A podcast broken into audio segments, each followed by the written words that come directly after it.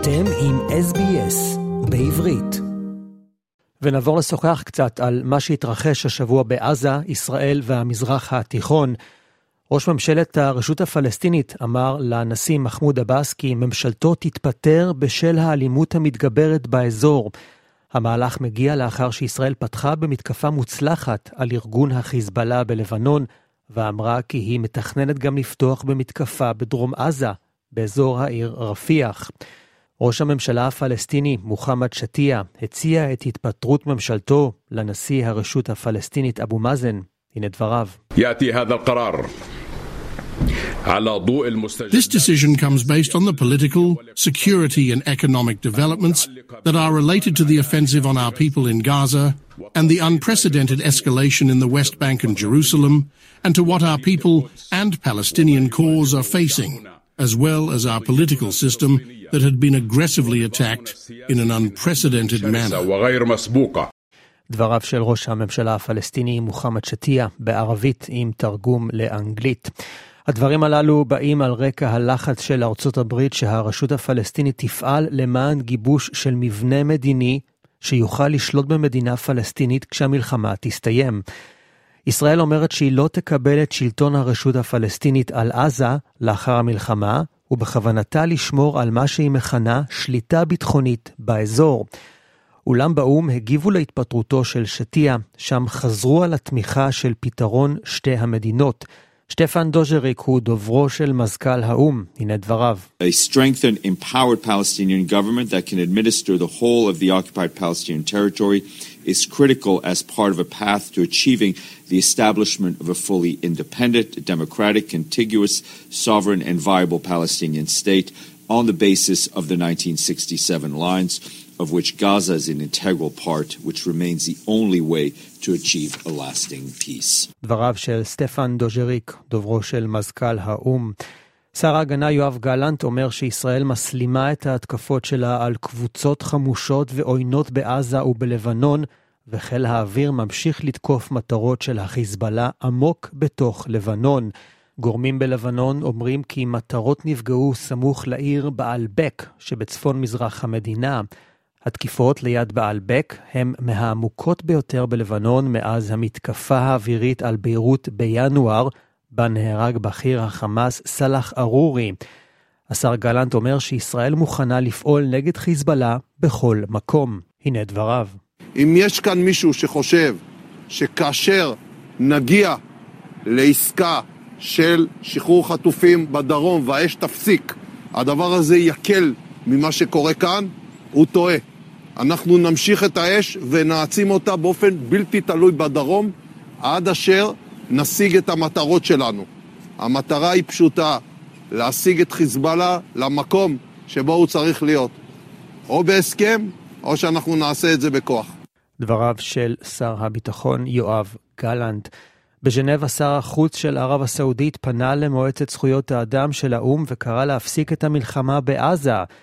הנסיך פייסל בן פרחן אל סעוד אומר שצריך ליישם את החלטת מועצת הביטחון 2720 כדי להסיר את ההגבלות על העברת סיוע לעזה בכדי להקל על הסבל האנושי, והוא אומר שלפלסטינים יש זכות למדינה עצמאית. הנה דבריו. We should dissipate doubts about the right of Palestinians to live in in security and their rights of determination through a legitimate process that is irreversible for them to have their independent state on the 1967 border with Eastern Jerusalem as its capital on the basis of the Arab Initiative and the relevant UN resolutions. We call upon all countries to adhere to the principles of peace and justice and to work together in order to end what we can call uh, collective punishment and its serious ramifications. דבריו של שר החוץ של ערב הסעודית. ראש הממשלה בנימין נתניהו אמר כי מתקפה צבאית בעיר רפיח בעזה עלולה להתעכב אם יושג הסכם להפסקת אש של מספר שבועות בין ישראל לחמאס. הוא גם טוען שניצחון מוחלט בשטח יגיע תוך שבועות לאחר תחילת המתקפה. על פי הדיווחים התחדשו השיחות בקטר, כאשר דיונים נוספים צפויים להתקיים בקהיר, במטרה להשיג את הפסקת האש ושחרורם של עשרות בני הערובה המוחזקים בעזה, ובתמורה שחרור פלסטינים הכלואים על ידי ישראל. קבוצות הומניטריות מזהירות מפני קטסטרופה של זכויות אדם אם המתקפה על רפיח תצא לפועל, מכיוון שלמעלה ממחצית מאוכלוסיית עזה מסתתרת באזור אשר הוגדר בעבר כאזור בטוח. רפיח היא נקודת הכניסה העיקרית לעזה של סיוע, וארצות הברית ובעלות ברית אחרות טוענות שישראל חייבת להימנע מפגיעה באזרחים. בנאום בוועידה הכלכלית באבו דאבי, שר הכלכלה והתעשייה של ישראל, ניר ברקת, אמר כי ישראל מחויבת לנצח במלחמה בעזה ולחסל את חמאס ללא קשר למחיר הכלכלי של המדינה. הנה דבריו באנגלית. As said, I think Israel is committed to take to turn, overturn every rock and stone to figure out if we can release our hostages. Uh, but if Hamas thinks that uh, we're going to end this with them uh, returning to power, they're wrong. We, we will not let that happen. דבריו של שר הכלכלה והתעשייה ניר ברקת. השר ברקת, שנתפס כאחד המועמדים הפוטנציאליים לרשת את מקומו של ראש הממשלה בנימין נתניהו, הבהיר כי הביטחון הלאומי אינו רק חשוב ביותר, אלא גם חיוני לכלכלת ישראל. בינתיים בית המשפט העליון של האו"ם דן השבוע שוב בטיעונים בשאלת החוקיות של הכיבוש הישראלי בשטחים הפלסטינים מאז 1967. בית הדין הבינלאומי לצדק שמע הצהרות מטורקיה והליגה הערבית בשאלה ההיסטורית.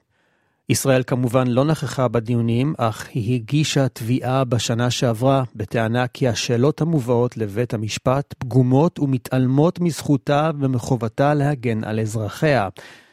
סגן שר החוץ של טורקיה, אחמד ילדיז, אומר שהכיבוש והכישלון להתקדם לעבר פתרון שתי המדינות הוא המכשול האמיתי לשלום באזור. הנה דבריו. The unfolding situation after October 7 proves once again that without addressing the root cause of the Israeli-Palestinian conflict, there can be no peace in the region. Israeli-Palestinian conflict did not start on 7 October 2023. The conflict is not about a certain Palestinian faction or group. The conflict dates back to an earlier century. דבריו של סגן שר החוץ של טורקיה. 15 השופטים הבינלאומיים בהאג יספקו בסופו של דבר חוות דעת מייעצת אך לא מחייבת בעקבות הבקשה שהוגשה בנושא בשנת 2022 לעצרת הכלכלית של האו"ם. ועד כאן על מה שהתרחש השבוע בעזה, ישראל והמזרח התיכון. עקבו אחרינו והפיצו אותנו דרך דף הפייסבוק שלנו.